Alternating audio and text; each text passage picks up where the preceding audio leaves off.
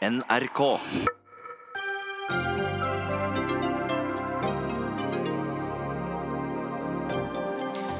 Ektefellen til en av Norges rikeste menn ble bortført for ti uker siden.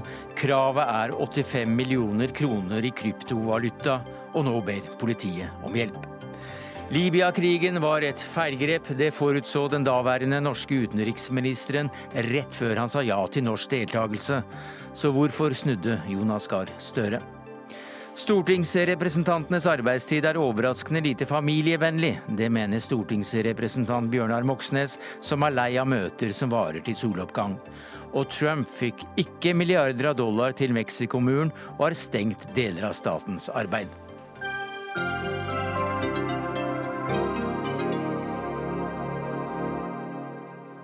Ja, Det er noen av sakene i Dagsnytt 18 denne onsdagen, der vi også får med oss NHO-konferansen med tema Vi og verden.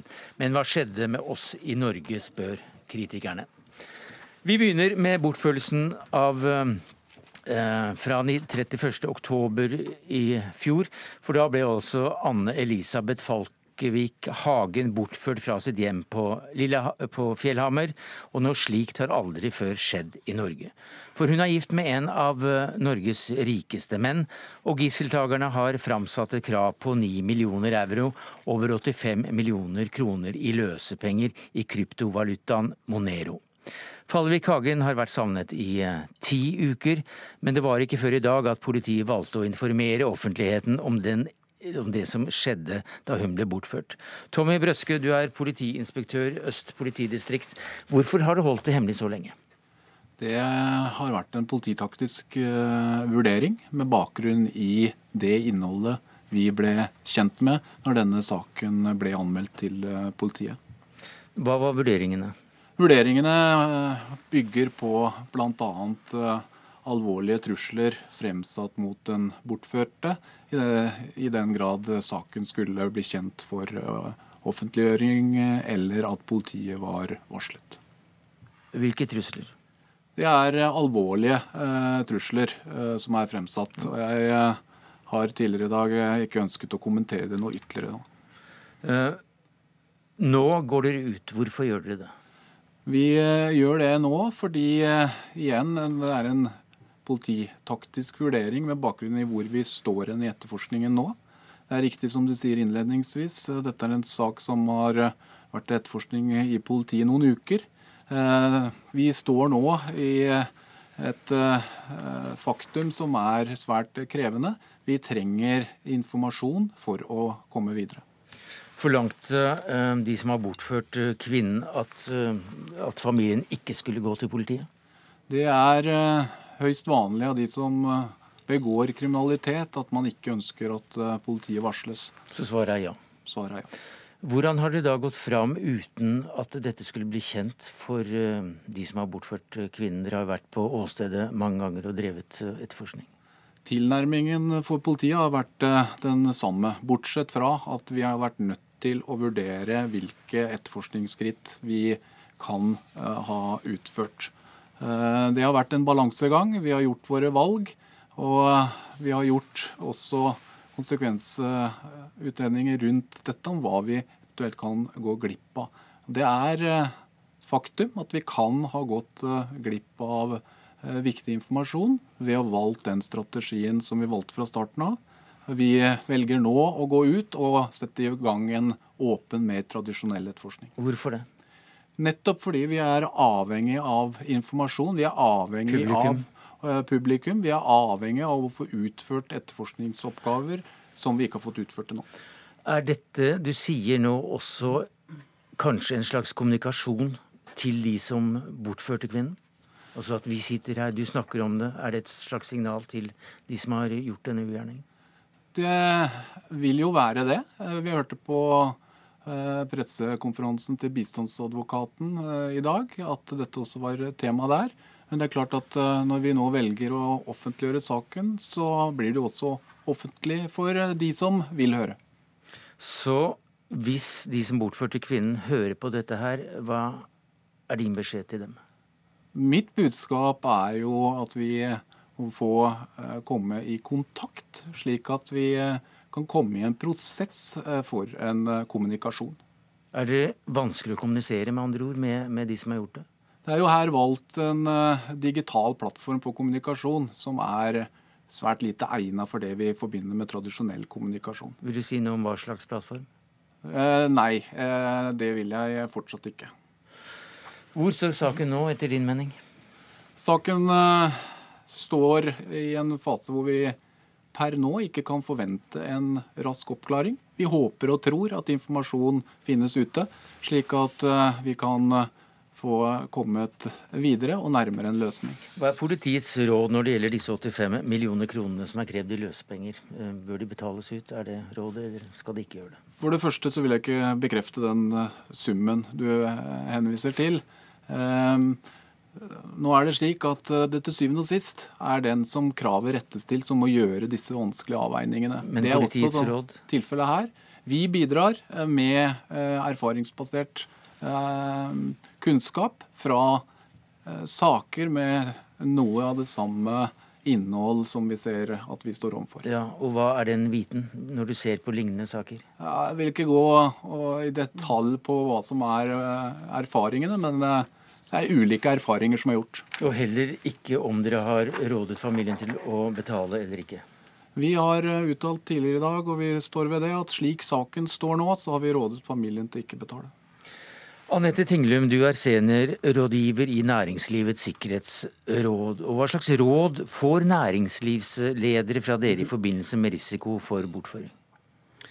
Ja, de får eh, det rådet å ta eh, risiko for bortføring med inn i sine risikovurderinger.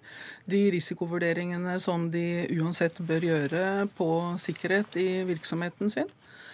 Eh, til det så, eh, så eh, har vi utarbeidet en veileder for tigerkidnapping, beregnet for, for ledelse i næringslivet. Tigerkidnapping? Ja, denne veilederen heter tigerkidnapping. Det er, det er en betegnelse som brukes på de typer saker der gjerningsmennene bruker et såkalt soft target, et familiemedlem eller lignende, for å få en annen person, gjerne en som har adgang, tilgang, eh, til å gjøre noe han ellers ikke ville ha gjort. I den veiledningen står det noe om man bør komme kidnapperne eller bort, de som bortfører, i møte ved å gå inn på betalinger?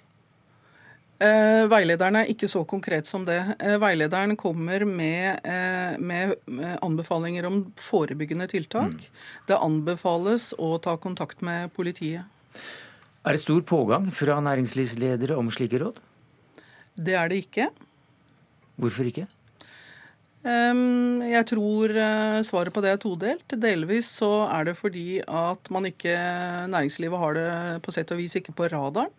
Eh, fordi vi ikke har hatt eh, saker som er kjent i næringslivet i Norge i den grad. Delvis så er det jo ikke snakket mye om det fra offentlig myndighet sin side heller. I grunnen heller ikke fra vår side. Fra vår side så har vi denne veilederen ikke liggende ute, eller vi pusher ikke den aktivt. og Har ikke gjort det til nå, fordi vi ikke ønsker å, har ikke ønsket å skape oppmerksomhet rundt denne type kriminalitet. Men Nei. den utgis på forespørsel. Den utgis og vi på snakker om det i foredrag. Ok, Men uh, du vil ikke gi, dere gir ikke noe råd når det gjelder om man skal betale eller ikke betale? eller Den er ikke så konkret. Nei. Og dere snakker om preventive uh, virkemidler, og ikke hva som skjer i akkurat den situasjonen som denne familien befinner seg i nå. Nei, men, det er eh, riktig. Men hva slags tanker gjør du deg om at vi offentliggjør skattelister, slik at vi har en idé om hvem som kan bli et mål for utpressing? Eh, for å si det på, en, eh, på, den måten, alle monner drar. Det er klart at det at skattelistene blir lagt ut på den måten de gjør, det bidrar jo til kunnskap om hvem som kan tenkes å ha midler som egner seg til denne type kriminalitet. Eh, når det er sagt, så eh, kan virksomhetene selv også eh, forebygge eller redusere risiko ved å tenke igjennom hvilken bransje de befinner seg i, hvor de har virksomheten sin etablert, om det er høyrisiko der. Hva slags type informasjon som ligger ute på hjemmesidene. Ut ifra man kan tenke seg hvem som har tilganger til hva, når man ser bilde og navn på de ulike, de ulike rollene. Hans Petter Aas, du er forfatter og du er journalist i Stavanger Aftenblad. Du er opptatt av nettopp slike saker. Hva sier du om f.eks. det å legge ut skattelister, slik at vi alle vet hvem som har god råd? Jeg tenker jo at eh, eh, hvem som har god råd, det er jo ganske tydelig i veldig mange sammenhenger uansett. Det er kanskje vanskelig å bruke den ene saken til å trekke noen konklusjoner allerede nå. Eh, I, i, I, Norge så er det jo Vi har et åpent samfunn, og jeg tenker at det er verdt å ta vare på det åpne samfunnet. Selv om dette selvfølgelig er en forferdelig vanskelig sak for alle som er involvert, og alle som risikerer å bli involvert i lignende saker. Ja, Hva er det som er spesielt i denne saken? I Norge så har vi jo eh, tidligere hatt eh, altså velstående mennesker som har opplevd innbrudd, ran, ransforsøk, den type ting. Vi har hatt folk som har blitt henta ut hjemme eh, og kanskje blitt tatt med til en minibank og pressa til å ta ut penger og sånne ting. Men vi har aldri opplevd det som, som nettopp nå ble benevnt som tigerkidnapping. Hvordan ser du på denne saken i forhold til andre saker i utlandet det kan være naturlig å sammenligne med? Altså Dette fenomenet er jo eh, vel kjent i, i utlandet. Altså eh, I 1932 så ble jo sønnen til Charles Lindberg, den flyhelten og mangemillionæren, kidnappa, og amerikanske aviser døpte det allerede da for århundrets største sak. Så vi har jo hatt mange sånne saker i utlandet, og det var jo det er vel litt, litt omstridt kanskje hvor begrepet tigerkidnapping kommer fra. Men noen mener jo at det skyldes Det, det oppsto med IRA som, som kidnappa eh, folk som ikke hadde noe med organisasjonen å gjøre, eh, og familiemedlemmer der, for å få enkeltmennesker til å gå ut og plassere bomber for dem. Sånn at eh, I utlandet er dette et velkjent fenomen, men eh, det er første gang vi ser det i Norge. Hvordan ender slike saker som oftest? Eh, ja. Eh, sønnen til Charles Lindberg eh, døde jo. men jeg så en interessant statistikk i dag. da, eh, For det, det, som har skjedd nå, er jo at vi har fått eh, nye metoder, eh, bitcoins og andre valutaer på nettet, som, som gjør det lettere å skjule pengesendinger. Og da hadde Aftenposten laga en oppstilling der de hadde funnet ni saker på verdensbasis. Og i alle de ni sakene så hadde den kidnappa personen kommet til rette. Enten fordi at uh, løsepenger var betalt, antagelig, eller fordi at uh, politiet fant uh, skjulestedet. Du nevnte kryptovaluta her. Torbjørn Bull Jensen, du er daglig leder i selskapet Arcane Krypto. Mm. Og her har altså også kidnapperne, eller bortførerne, bedt om løsepenger i form av kryptovalutaen Monero. Hva er det som er spesielt med, med denne valutaen? Så Monero kjennetegnes av eh, å ha satset veldig på anonymitet og ikke-sporbarhet, og er blant eh, de mest anonyme kryptovalutaene som finnes. Eh, hvordan skiller den seg fra andre kryptovalutaer? Det var jo mye brukt kryptovalutaer før akkurat denne kom. Så bitcoin eh, har det jo tidligere vært mye snakk om eh, i forbindelse med kriminalitet. Eh, men bitcoin viste seg å være mye mer sporbart enn det mange kriminelle trodde. Bitcoin er et mer pseudonymt eh, betalingsnettverk. Du behøver ikke oppgi navnet ditt, men det er mye lettere å spore transaksjoner og dermed nøste opp i eh, fra hvor til hvor penger har gått. Eh, Monero er i større grad anonymt. Du får ikke gjort den samme etterforskningen i den underliggende transaksjonshistorikken i Monero. Men du får opplysninger hvis det brukes? Er det, slik, at det går greit å ha en god del kroner eller dollar i denne valutaen inne, men med en gang du begynner å bruke det, så blir det registrert? Ja, så Det som er viktig å huske på her, er at uh, med en gang du skal ut og inn av en kryptovaluta, så er du avhengig av å finne noen du kan veksle dette med. Og i de punktene, om det er en børs, om det er noen du møter fysisk, uh, så må man jo måtte legge, der legger man igjen en del spor. Så selv om du kan uh, anonymt overføre Monero til noen andre som har lyst på Monero, så vil jo kriminelle, eh, som alle andre, være avhengig av å veksle om disse Moneroene til dollar, kroner eller euro hvis de skal bruke dem. Eh, og så er det viktig å huske på at eh, Monero, som annen kryptovaluta, svinger veldig mye verdi. Både opp og ned, og det siste året veldig mye ned. Og det er jo noe som også kriminelle ser på som lite attraktivt. Men hvis du i løpet av en setning kan si hva kryptovaluta er i det hele tatt, hva vil du sagt? Ja, så Det er et uh, forsøk på å lage digitale kontanter. Beholde den egenskapen kontanter har. At det er opp til den enkelte uh, hvem man skal levere pengene til, uh, hvor mye. Og at det er desentralisert. Og, med, og, at det er anonymt, ivaretar personvern. Men ta det med inn i den digitale sfæren. Det og brukes altså av kriminelle også? Som all teknologi så brukes også dessverre kryptovaluta av kriminelle. Det, men eh, f.eks. i denne saken her, så i den grad det har vært kommunikasjon, så har den antageligvis skjedd over internett på et eller annet vis. I den grad det har vært en bortføring, så har det antageligvis involvert kanskje en bil. Også teknologier eh, som kan brukes til kriminalitet, men som også har helt gyldige og gode anvendelser. Og Det samme er det med kryptovaluta. Politiet skal ha funnet uh, ark med beskjeder i, i uh, boligen, og det er satt språkforsker språkforskere etc. på det. Hva kan du si om det som politimann? Jeg ønsker ikke å kommentere de opplysningene du nå kom med. Hva tenker du om muligheten for å, at hun lever? Det er et uh, spørsmål hvor jeg ikke sitter uh, med svara. Vi har som sagt ikke hatt livstegn siden 31.10 i fjor. Uh, samtidig har vi heller ikke fått noe tegn på det motsatte. Men i og med at dere går ut nå, så, så ligger det jo en mulighet, slik dere ser det, at hun da er i live? Vårt hovedfokus er å gjenforene mm. den bortførte med sin familie i livet. Og det gjør dere bl.a. ved å henvende dere til eh, Interpol og Europol. Betyr det at det er grunn til å tro at eh, de som har gjort dette, befinner seg i utlandet, og at kvinnen kanskje også er i utlandet? Per nå så kan det absolutt være riktig. Eh, samtidig så har vi ingen holdepunkter, men det er helt naturlig i denne form for saker å samarbeide på tvers av landegrensene. Takk skal du ha, Tommy Brøske, Anette Tinglum, Torbjørn Bull Jensen og til deg, Hans Petter Aas i Stavanger. Dagsnytt 18 alle hverdager kl 18.00 på NRK P2 og NRK2.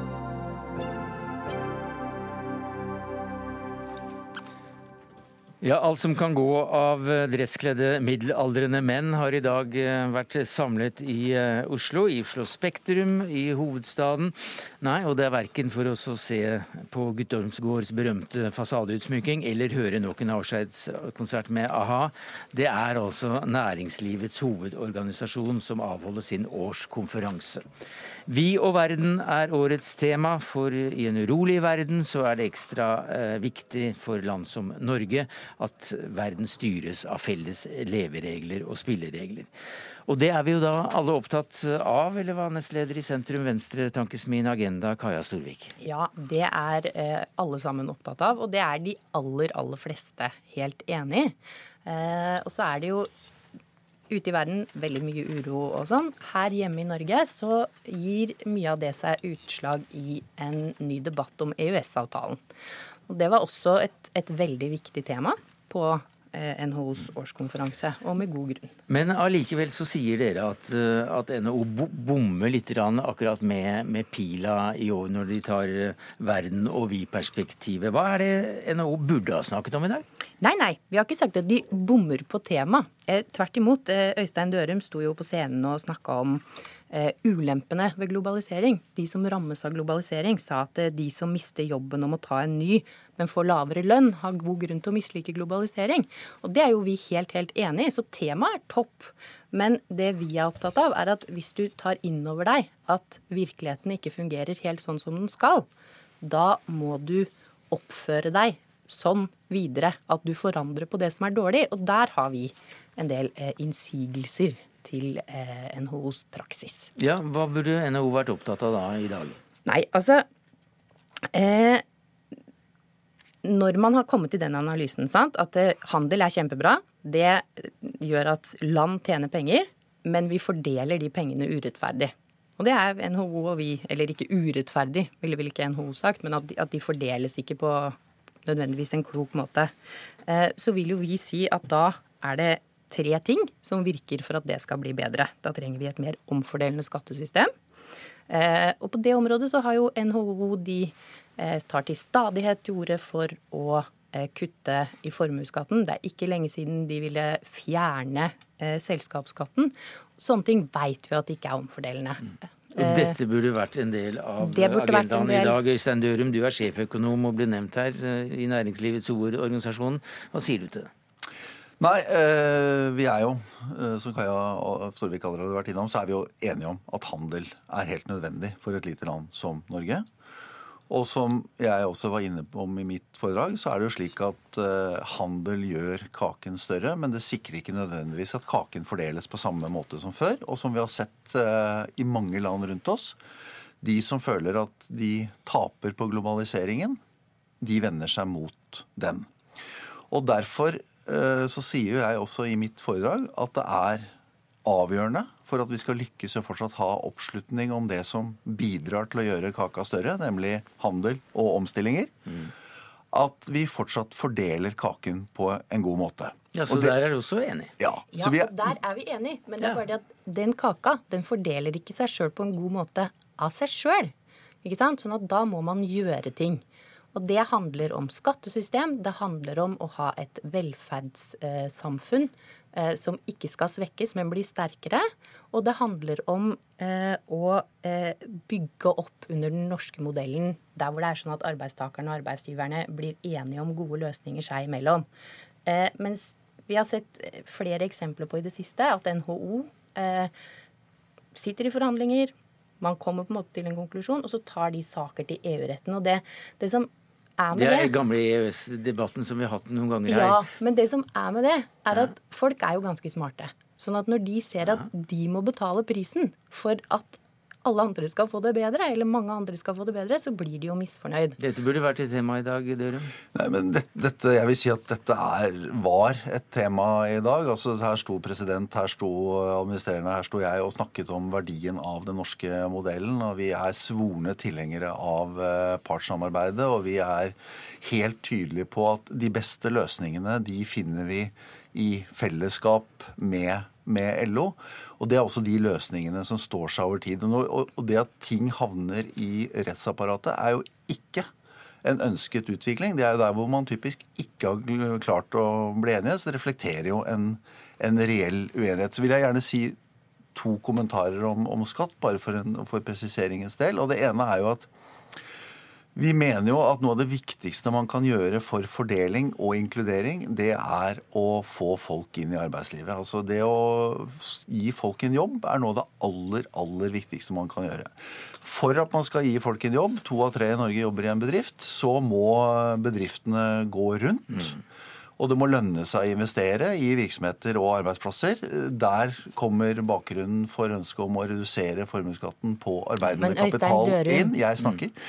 Og eh, når det gjelder selskapsskatten, så har vi der pekt på at vi beveger oss mot et samfunn som blir mer globalisert, mer digitalisert, mer vektløst. Det kommer til å stille oss overfor utfordringer om hvor vi skal skattlegge i framtiden. Og nå snakker Storvik. Ja. Men det som er, er at alle de tingene der altså For det første så er det sånn at det er ingen som klarer å bevise at formuesskatten er så veldig skadelig for norske bedrifter. Det er gjort titusener av forsøk på det. Det lykkes aldri, eller kanskje ikke titusener, men mange, mange forsøk i hvert fall. Så det lever norske bedrifter godt med. Men, men det som er, er at altså, man kan på en måte eh, alltid finne eh, grunner til å ikke omfordele. Eh, men hvis man ønsker seg eh, internasjonale avtaler og internasjonal handel, som det er oppslutning om også blant folk. Eh, og det er nesten en forutsetning for at man skal ha sånne avtaler i et demokrati. Så er man nødt til å se litt lenger. Så er man nødt til å ta kanskje den kortsiktige kostnaden, eller få litt mindre gevinst på kort sikt, for å eh, lykkes med å ha de avtalene i fremtiden. La meg bare si én ting til. Ja, det må være kort. Veldig kort. Sant? Arbeidstakerne tar ansvar hele tida. Stadig vekk når det går dårlig i økonomien, så har vi moderate oppgjør og sånne typer ting. Og den type ansvar må også næringslivet ta.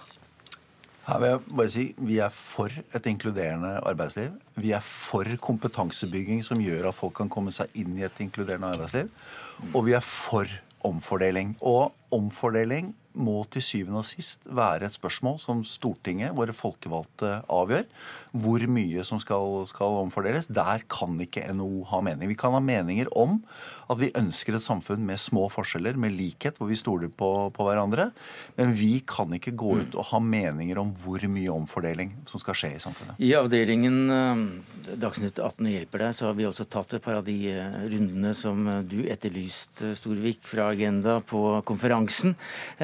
Dørum, det er en stor hemmelighet, og det er hva er, står på menyen på den middagen du er på vei du, det, til Idres? aner jeg ikke. Jeg har ikke peiling. Jeg tror ikke det er struts. Jeg tror den blemmen er gjort en gang for alle. Takk skal du ha. Takk til Kaja Storvik.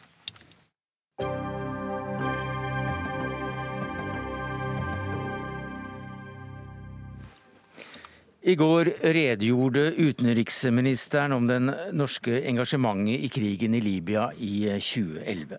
Den krigen var et feilgrep, det er i alle fall pressens konklusjon etter å ha fordøyd Petersen-rapporten om dette, om hva som skjedde våren 2011. Sentralt i prosessen og til slutt eh, den som var med eh, på eh, å godta at Norge også skulle være med i krigen, det var utenriksministeren som het Jonas Gahr Støre. Og du har sagt tidligere at den krigen burde man ikke være med i. Det var før du kom til en annen konklusjon. Du satt her i Dagsnytt 18 i 2011 og argumenterte sterkt mot å gå inn i Libya fordi det ville destabilisere hele Sahel-området, og jammen fikk du rett. Men hvorfor snudde du? Jeg står fullt inne for den skepsisen, og jeg mener at det er et viktig politisk ansvar å være ytterst skeptisk til bruk av militærmakt, særlig som en quick fix for å løse kompliserte problemer på bakken. Eh, jeg mente også at den norske debatten hadde et eh, preg av å være veldig lettvint rundt det i de eh, dagene i mars som ledet opp til ja, i februar-mars, da situasjonen var kritisk i Libya. Og det står jeg ved. Så er det slik at Sikkerhetsrådet, som er veldig viktig for rettsordenen i verden, som er de som kan autorisere bruk av makt på en lovlig folkerettslig måte, tok en beslutning om at alle tilgjengelige midler skulle brukes for å stoppe det man da antok kunne være opptakten til et massivt overgrep mot sivile. Eh, og Jeg husker godt den kvelden det vedtaket kom fra New York. Eh, jeg fikk det på mitt bord, regjeringen fikk det til behandling. Eh, og i tråd med norsk utenrikspolitikk så var vi da innstilt på å bidra til den operasjonen i FN. Og så kan vi diskutere Rapporten til Jan Pettersen viser jo om Beskriver oppløpet til dette. Og i dag ser vi situasjonen i Libya. Jeg står inne for den skepsisen jeg hadde. Jeg står også inne for at vi da gitt det vi visste, gitt det vi fryktet, gitt det vi visste hadde skjedd i andre situasjoner, faktisk tok den beslutningen å handle. For det å ikke handle, det er også en beslutning. Eh, og vi mente, i tråd med vi hadde erfaringer fra Srebrenica, fra Rwanda, hvor verdenssamfunnet var vitne til og sto og så på eh, overgrep. Her kunne man handle, og man stoppet de overgrepene. Det gjorde man. Eh, Libya har sunket ned i et, uh, i et, kaos, og det tror jeg at verdenssamfunnet har en del av ansvaret for, men ikke alene. Ja, Obama kaller jo det den verste avgjørelsen han tok som eh, president, men du ville gjort det samme som Jens Stoltenberg også sier, at jo, vi hadde altså, gått inn for det hadde vært i dag. Det, det, altså, hadde vi visst alt vi visste i ettertid da, som man aldri gjør, så ville du tatt kanskje en annen beslutning. Men kommer det en tilsvarende situasjon hvor du får det på bordet, det er fare for massive overgrep mot sivile, Eh, skal vi handle eller ikke handle, så må man gjøre en mm. vurdering. Og det gjorde vi da, og det står jeg inne for. Men ville beslutningen bli tatt via mobiltelefon, delvis på SMS-er? slik ja, men Dette er jo helt feil, og jeg mener denne rapporten også øh, øh, fjerner det bildet. Det som var poenget, var å sikre er Stortinget enig.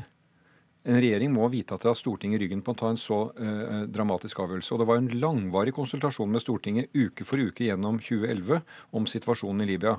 Uh, og i de debattene du henviste til før, så var det jo slik at Stortinget var jo mer aktivistisk i forhold til å gripe inn med, med, med militært enn regjeringen var. Men selve avgjørelsen ble tatt via mobiltelefon Nei, men, mellom partilederne? selve avgjørelsen ble tatt uh, av statsministeren og regjeringen. Det ble underrettet til alle de andre partilederne eh, i inngangen til en helg hvor folk hadde reist fra Oslo. Før norske styrker eh, kom i gang med de operasjonene, så var det møte i den utenrikskomité. Det var kongelig resolusjon, og det var redegjørelse av statsministeren i Stortinget. Så her evnet man å handle. Denne rapporten har jo vist at man bør forbedre en del prosedyrer rundt dette. Det, det, skal, vi, det skal, vi, komme tilbake til. Men det er åpent for å diskutere. Men, ja. poen, men, poenget mitt er at man må aldri sette seg i en situasjon hvor man ikke er i stand til å kunne også handle raskt. Mm. Og da er mobiltelefonen et utmerket utmerket instrument. Kai Eide var en sentral skikkelse i UD under deg, og på Facebook-siden hans i dag så skriver han at uh, dere sitat var pinlig klar over hvor liten kunnskap dere hadde. Helt riktig. Kai Eide er en klok mann, og det han skriver her, er riktig. Eh, Libya var jo et, eh, et, eh, et, et mørkt kapittel i Afrika. Man visste jo lite om Libya, det er helt riktig. Og at det nesten utelukkende var opplysninger fra en slags skyggeregjering av Gaddafi-regimet, ja. også en Gaddafi-motstanderregime? Det også, men vi la jo vekt på at Den arabiske liga som var altså det regionale organet, etterspurte en slik luftflyforbudssone. På det tidspunktet var også Den afrikanske union opptatt eh, av det. Og i en sånn situasjon så er det jo FNs sikkerhetsråd hvor de store maktene som har, man må anse har bedre etterretningssystemer enn det lille Norge har.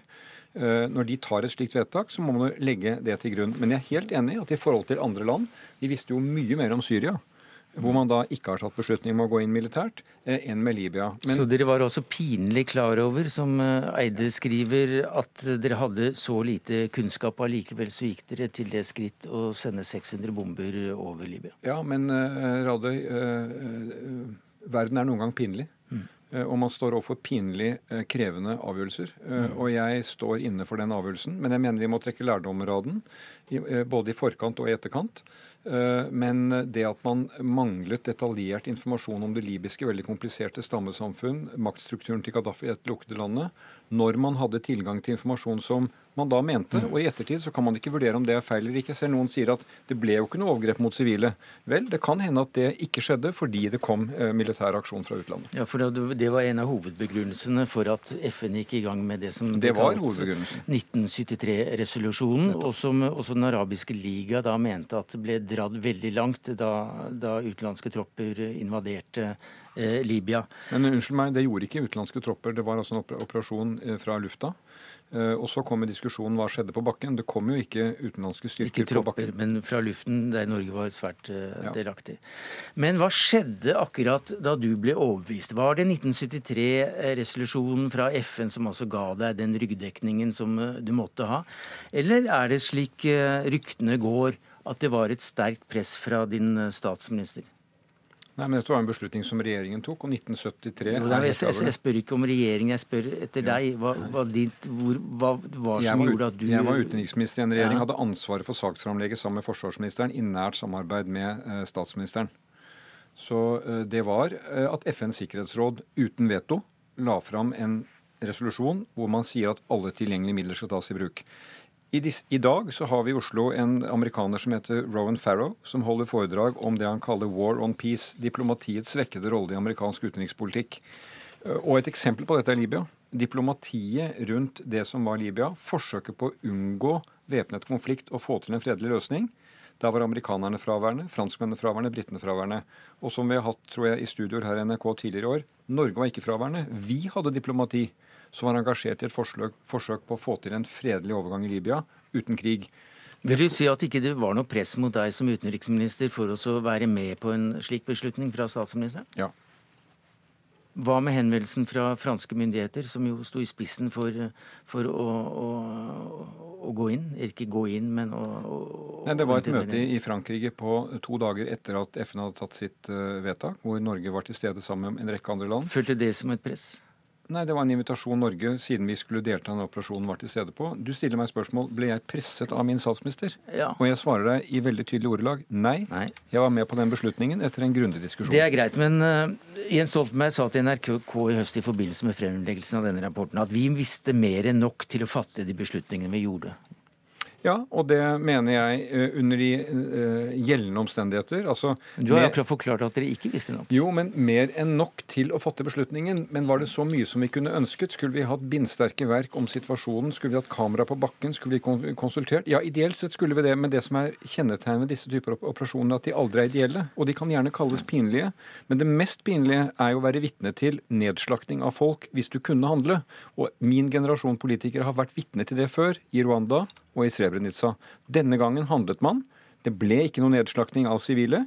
Om det skyldes at eh, det ikke ville skjedd i noe fall, eller at regimet ble drevet på defensiven, det vet vi ikke.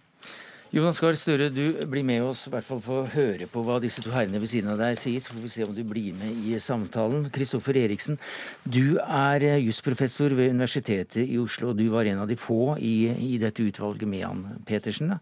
Hva er det viktigste som gikk galt med hensyn til selve prosessen, mener du?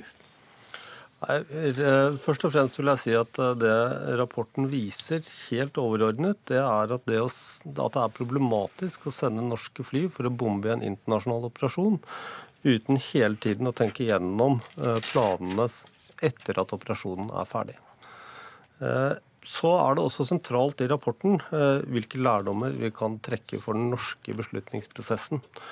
Og En side som vi peker på i rapporten, det er at de overordnede konstitusjonelle rammene for denne type beslutninger bør klargjøres.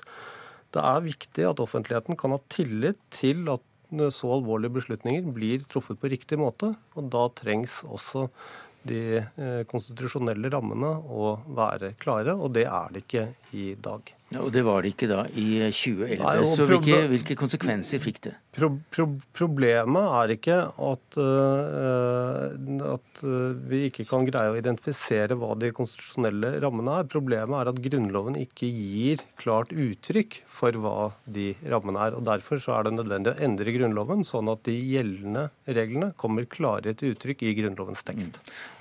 Det. Uh, så, jeg vil bare legge til at det også er en annen side som vi peker på. det er nemlig at at eh, det vår evaluering viser, det er at det er viktig at eh, beslutningsgrunnlaget for denne type operasjoner eh, er solid. Både når det gjelder det faktiske grunnlaget, det juridiske grunnlaget og det militære grunnlaget. Og her var det svakheter i beslutningsgrunnlaget eh, for eh, beslutning som ble fattet i 2011. Det har vi jo også hørt eh, blitt gjort rede for her.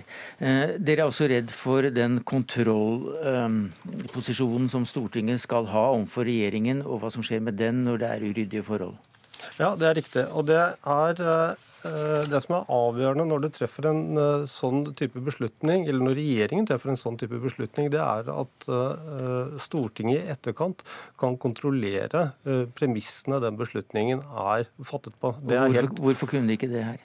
Det er fordi at det var et, for et temmelig knapt beslutningsgrunnlag.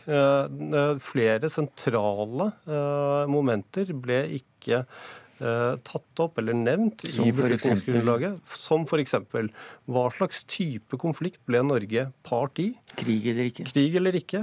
Norske, eh, var norske soldater å anse som lovlige militære mål eller ikke? Statsministeren sa nei. Eh, Forsvarsdepartementet hadde allerede sagt ja.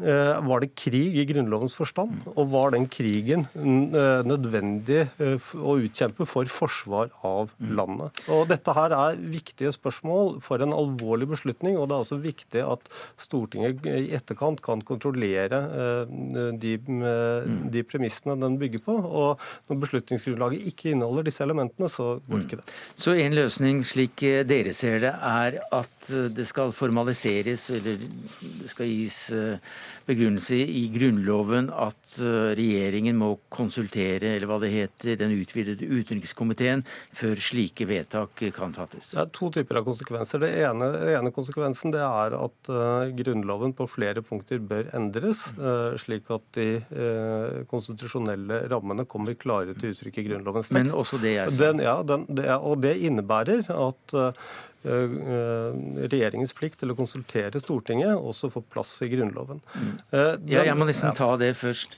Fordi Mats Andenes, som jusprofessor ved Universitetet i Oslo, og du også, så dere har vel hyggelige samtaler over, over, korridoren der, så er du uenig i akkurat det perspektivet der, at det er Stortingets utenrikskomité som, som må uh, inn i bildet i lovs form, grunnlovs form. Hvorfor det?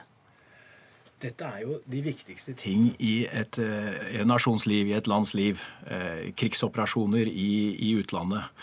Eh, det bør behandles av Stortinget. Det bør ikke behandles med mer enn det absolutt nødvendige, nødvendig hemmeligholdet. Når det ikke er nødvendig å, å hemmeligholde, så bør man ikke hemmeligholde. Og disse norske juridiske konstitusjonelle spørsmålene, eller de folkerettslige spørsmålene om sikkerhetsrådsresolusjonen eh, og spørsmålene som Kristoffer Eriksen har brakt opp om er norske soldater lovlige mål, er vi i krig osv., det er ikke noe som krever hemmelighold. Og ved å behandle dette i Stortinget så eh, får man for det første en bedre saksforberedelse.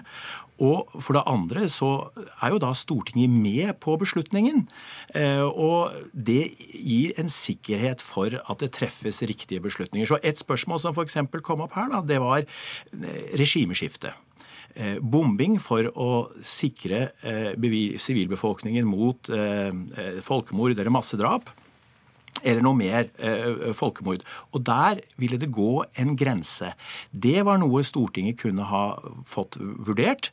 Og hvis regjeringen hadde måttet fremlegge dette spørsmålet for Stortinget, så hadde de gitt svar. Og, og, og ikke bare den utvidede utenrikskomité, som altså har veldig hemmelige møter, og der det ikke er noen behandling felles i stortingssalen, og der ikke alle stortingsmedlemmene er med. Så hvorfor akkurat den utvidede komiteen da? Det vi har sagt i evalueringen, det er at vi har lagt gjeldende rett til grunn og så har vi sagt hvordan er det eh, dette systemet, gitt de gjeldende rettslige rammene, eh, bør eh, klargjøres. Og Så er det et politisk spørsmål å ta stilling til om de gjeldende rettslige rammene bør endres, slik at man har innfører en annen ordning for denne type beslutninger. Det er ikke et spørsmål som vi vurderer. Annes? Nei, vi mener jo da at Grunnloven i dag eh, Jeg har skrevet en kronikk med, med Rune Ottosen i Aftenposten hvor vi da sier at eh, vi mener Grunnloven i dag eh, reiser en rekke spørsmål som da ikke ble besvart i denne behandlingen. Og hvis vi skal gå til krigsoperasjoner i utlandet, så må Stortinget gi sitt samtykke. Og det mener dere i dag er bra nok regulert i forhold til Grunnloven? Man trenger ingen grunnlovsendring for å gjøre dette bedre? Det er å begynne i gal ende. Si nå vi hadde en helt fri politisk diskusjon. Hvem skal treffe disse vedtakene? Og Da kan det være tvangssituasjoner hvor ting haster. F.eks. For landets forsvar krever at man går til aksjon der og da. Men når det gjelder disse krigsoperasjonene som er utredet over lengre tid, eh, som i Libya, så er det ikke noen slik haste, hastesituasjon. Eh, Gar Støre, Jonas Gahr Støre, du har sittet og hørt på dette her nå. Jeg vil ikke at du skal være med i debatten men at det går mot slutten. Men hva har du lært, da? Nei, altså, av, eh, av, eh, den situasjonen du havnet opp i i 2021? Ja, det er mange lærdommer. Jeg ønsket den evalueringen. Arbeiderpartiet gikk inn for den. Eh, her gjøres en del juridiske vurderinger om Grunnloven bør endres. Jeg tror kanskje det bør gjøres endringer. Og vi lærer av det og prosedyrer. Men, men det skapes et inntrykk av at Stortinget ikke ga sitt samtykke. Et enestemmig storting støttet dette. Det var ingen tvil om det. Vi kunne aldri gått eh, til denne aksjonen, vært med på den om ikke det var tilfellet. Så kan det hende at det er ting i prosessen som bør gjøres eh, bedre. Men eh, professoren sier her at var det nødvendig for forsvaret av landet? Var det avklart? Vel, I vår verden i dag så er det ikke bare operasjoner som handler om forsvar av landet hvor Norge kan bli kallet til å delta internasjonalt. Sånn som verden ser ut, når FNs sikkerhetsråd sier det den sier, så kan du si utvidet forstand. Det å motvirke humanitære overgrep i mm. Libya er forsvar av landet i Norge i utvidet forstand, men det er ikke akkurat forsvar ved grensen. Så eh, gjerne, og jeg tror Stortinget kommer til å behandle forslag i forhold til Grunnloven som springer den i, i takt med mm. det som gjør at vi får solide prosesser. Men det er ingen tvil om at Stortinget støttet og ga sitt samstykke til denne operasjonen. Veldig kort. Ja, veldig kort så er uh, uttrykket til forsvar av landet i Grunnloven det er tolket sånn at uh, Eh, det å delta i internasjonale operasjoner som bidrar til gjenopprettelse av internasjonal fred og sikkerhet, det må anses som til forsvaret av landet. Det eh, vi etterspør, det er en konkret begrunnelse i hver enkelt tilfelle for hvorfor det er nødvendig for Norge å delta i og da må prosessen, da må, da må også prosessen være ryddigere, har vi forstått. Jonas Gahr Støre, tidligere utenriksminister, takk skal du ha. Mats Andenes, professor i jus ved Universitetet i Oslo. Det samme er Kristoffer Eriksen. Takk skal alle sammen ha.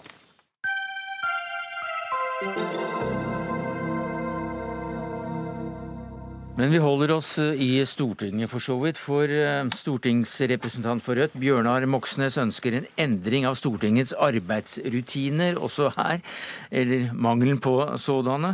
Uforutsigbar arbeidstid og krav om tilstedeværelse ved plutselige voteringer går dårlig overens med familieliv og småtinget der hjemme. Var det sånn du så for deg eh, at det skulle bli når det ble satt inn på Stortinget i 2017? Eh, altså, det er veldig mye som er bra på Stortinget, jeg må bare si det først. Men, eh, men det er nok en sånn godt bevart hemmelighet hvor mye tid representantene egentlig kaster bort på å sitte inne på stortingskontorene og vente og vente og vente kveld etter kveld, og også utover natta iblant, på at det blir ringt inn til votering. Eh, vi kunne i stedet vært med familie eller avtalt møter hos lokallag eller bedriftsbesøk og lignende. Men i stedet så sitter altså nå rundt 100 representanter når det er eh, stortingsmøter eh, på kontoret og, og, venter på at det skal bli ringt inn på et tidspunkt. Og Det kan være når Lundteigen har krangla ferdig med Abid Raja med en eller annen sak, og det kan ta litt tid. Jeg vet aldri hvor lang tid det kan ta. Debattene kan ta fyr, og det er jo vel og bra, men da er det plutselig votering to om natta istedenfor eh, åtte om kvelden. Og det er også helt umulig å kunne planlegge arbeidet på Stortinget og umulig å planlegge familieliv på andre sida. Og jeg tror vi alle har interesse av at vi får et storting som er litt mindre tilpassa menn på 1800-tallet med, med tjenestepike eller au pair eller noe sånt, og litt mer tilpassa eh, 2019. Og også eh, litt mer tilpassa de som har småbarn. Tone Trøen, stortingspresident, hva sier du til det? Nei, altså Jeg er helt enig med Bjørnar Moxnes i at vi har et ansvar, eh, og at vi i presidentskapet også er opptatt av at vi hele tiden må se på hvordan vi best mulig legger til rette for eh, arbeidet i Stortinget. Jo, men Gjør dere det, nå? Det er... det, det nå? Ja. Altså ved å hale ut uh, voteringer kanskje til klokka to om natta mens de sitter og venter i time du... etter time? Du må la meg få lov å, å, justere det bildet som Bjørnar Moxnes skaper eh, av situasjonen. Yeah. Fordi at vi har eh, ca. 100 dager i Stortinget som vi møtes i året. Og ca. 60-70 av de dagene har vi voteringer ved slutten av møtet. Og I forrige fireårsperiode da satt jo ikke Bjørnar Moxnes der, men i forrige fireårsperiode så var det halvparten av de dagene igjen hvor vi voterte etter klokka fire. Så Det er viktig å huske på at Stortinget sitter ikke utover kvelden og natten som en fast regel. Det hender i innspurtsperiodene før jul, og det hender i innspurtsperiodene før sommeren særlig, at det, kan bli, det kan bli sent. Men det er veldig få møter. I forrige fireårsperiode var det åtte åtte møter hvor man voterte etter klokka 24.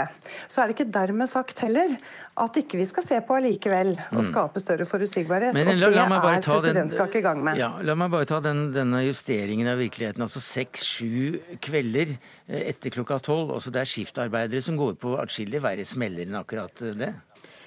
Ja, Det er ingen klagesang jeg prøver å framføre, men jeg prøver å si at vi kan jobbe langt mer effektivt til beste for velgerne ved å ha faste voteringstidspunkter. Mm. Og det som skjer er at eh, Stortinget av en eller annen merkelig grunn eh, så er jo møtefri fra midten av juni til 1. oktober. Vi skulle gjerne hatt eh, litt lengre stortingsperioder enn som så, og kortere sommerferie, men, men det er nå sånn det er. Mm.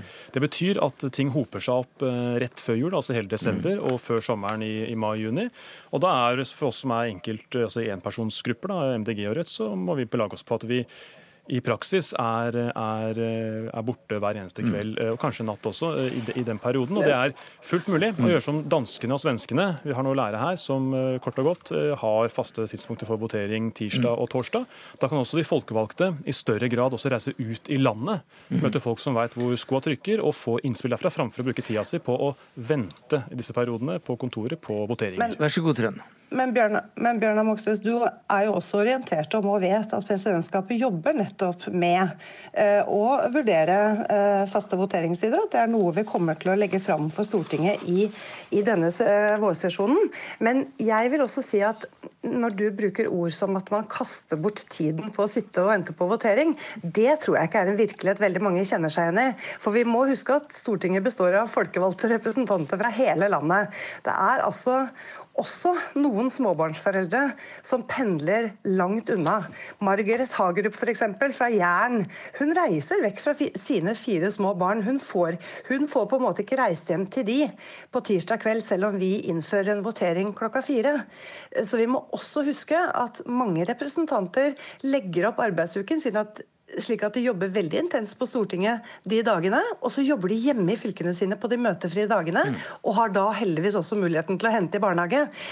Men det er ikke dermed sagt at ikke jeg syns det er viktig at vi også vurderer om faste voteringstidspunkter kan skape litt mer forutsigbarhet for oss alle sammen, ved at vi slipper å løpe fra møter når vi plutselig må votere. Det er håp i tunnelen, lys i den andre enden. Ja, mange som er folkevalgt fra fylket langt vekk fra Oslo, vil også kunne ha glede av å faktisk kunne reise hjem torsdag kveld. Bruke fredagen i hjemfylket sitt, møte bedrifter, organisasjoner, fagforeninger.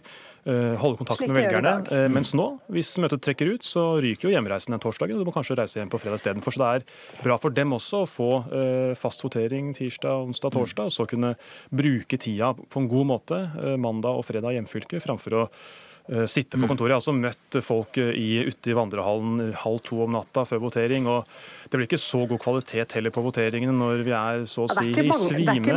Jeg, jeg må nesten avbryte det, for vi, vi, vi må videre, tror jeg. Bjørnar Moxnes, Bjørnar Moxnes, Bjørnar Moxnes du, du kan i hvert fall gå hjem nå, hvis du vil, for nå er vi ferdig med denne saken. Men takk skal du ha. Takk til Tone Trøen. Hør Dagsnytt 18 når du vil Radio NRK Radio.nrk.no.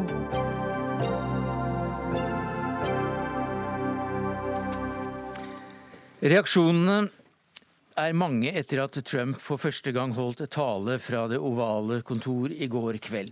Talen ble i sin helhet viet viktigheten av å bygge en mur mot Mexico for å få bukt med det han betegner som en humanitær og nasjonal sikkerhetskrise. Trump nekter å godta deler av statsbudsjettet før han får penger til muren mot Mexico, og dermed er viktige deler av offentlig sektor faktisk stengt. Veronica Westrin, du er korrespondent i Washington. Bruker Trump denne shutdownen, som det heter på nynorsk, som et pressmiddel for å, få bygget muren mot Mexico? Ja, Det er vel liten tvil om at eh, han gjør det. Dette sa han jo også i eh, talen til det amerikanske folket i går.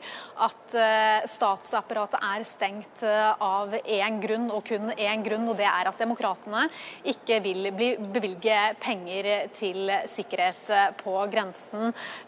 Trump krever jo da 5,7 milliarder kroner til dette. Og det er jo da det demokratene ikke har gått med på. Eller var det 5,7 milliarder dollar? Dollar. Du, eh, det har kommet reaksjoner fra demokratene på dette. Hva sier de? Eh, nei, de eh, holdt jo Jeg var akkurat eh, på en pressekonferanse her i, i Kongressen eh, nå for en times tid siden med Nancy Pelosi og Chuck Schumer. Eh, og de er jo klare på at eh, de mener han baserer seg ikke på fakta her. de mener det ikke eksisterer en slik krise som Trump viser til. Og det er jo her hele uenigheten ligger. I tillegg så benytta de seg jo også av anledningen i går til å tale eh, til det amerikanske folket rett etter at Trump hadde holdt eh, sin tale. Det var jo første gang Trump eh, gjorde dette. Men øh, denne shutdownen øh, den har nå vart i snart tre uker, mer eller mindre like stor. Også. Hvordan, hvordan rammer dette amerikanere flest? Eh, det er jo sånn at eh, f.eks. bønder som skal søke støtte, får problemer. Eh, det vil på sikt ramme de som er avhengig av matkuponger, altså de som ikke har mye penger og som får støtte fra offentlige. Også de som trenger statlige lån.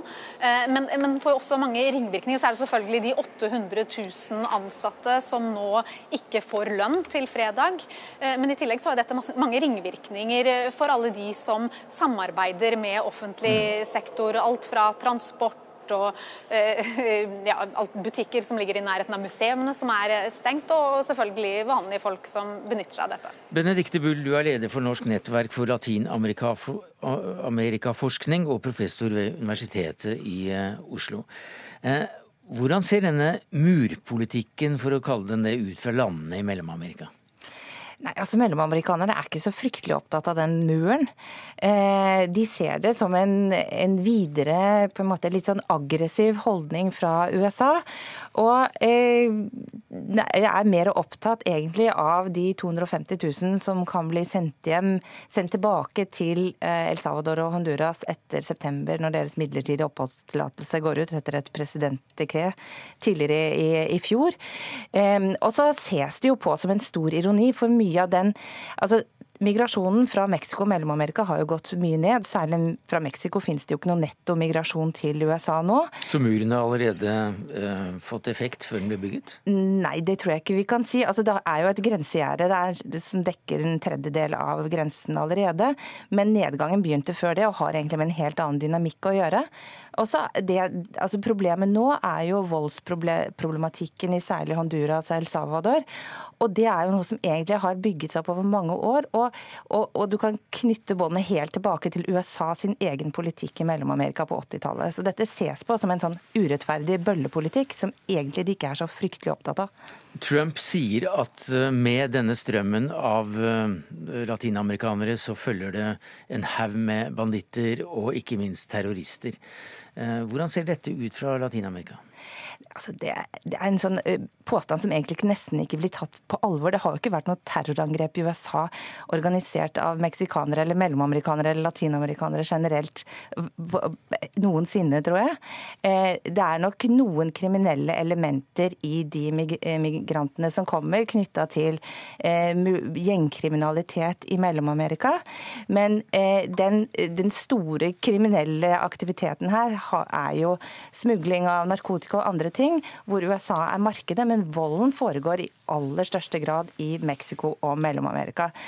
Og, og, de som egentlig, Den økningen som har skjedd i det siste, det er jo faktisk uh, mindreårige og barnefamilier. Og de flykter fra en uholdbar voldssituasjon i Mellom-Amerika først og fremst.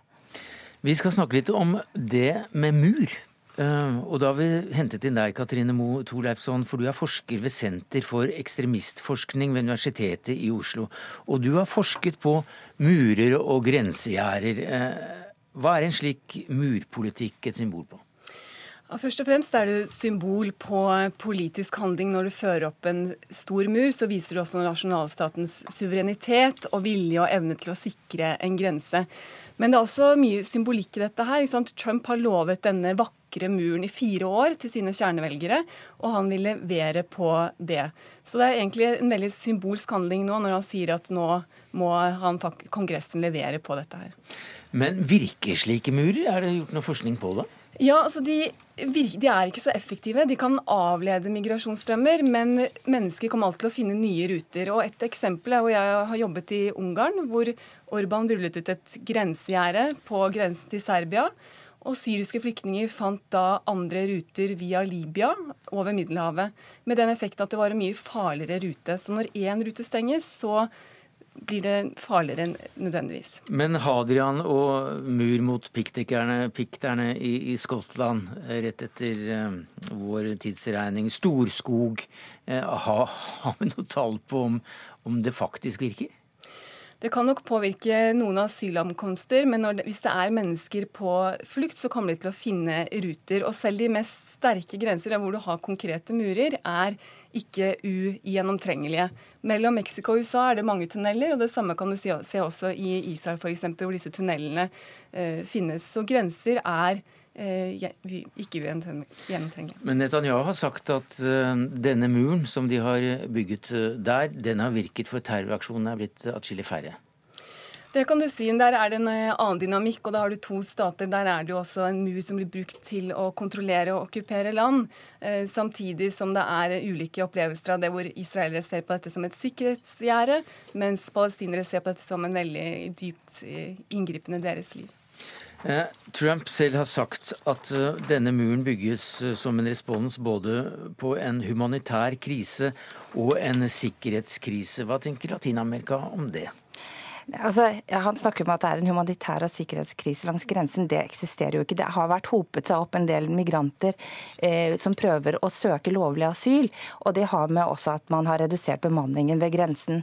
En, man kan snakke om en humanitær krise i deler av, av Mellom-Amerika, men den påvirker i ganske liten grad direkte USA. Og, eh, og å snakke om at disse her utgjør en sikkerhetstrussel i, USA, det er rett og slett ganske absurd. Altså, øh, de, migranter generelt har vist seg å være mindre kriminelle enn gjennomsnittsamerikaneren. Eh, det, har jo vært, det eneste man kan kanskje tenke seg at det er noen få latinamerikanere som har stått bak skyteepisoder, men prosentvis mye mye mindre enn de hvite som har stått bak skyteepisoder. Så det er, dette er ikke noen sikkerhetstrussel mot USA. og Det viser seg også at narkotikaen eh, som kommer, som man kunne stenge ut på denne måten, er en bitte liten del av alt som går gjennom de lovlige grensepostene, som uansett ville eksistere også med utvidelse av det nåværende gjerdet. Takk skal du ha, Benedikte Bull, leder for Norsk nettverk for latinamerikaforskning og professor ved Universitetet i Oslo. Til Katrine Moe Teilefsen, og det var det vi rakk. Dagsnytt 18 er tilbake i morgen.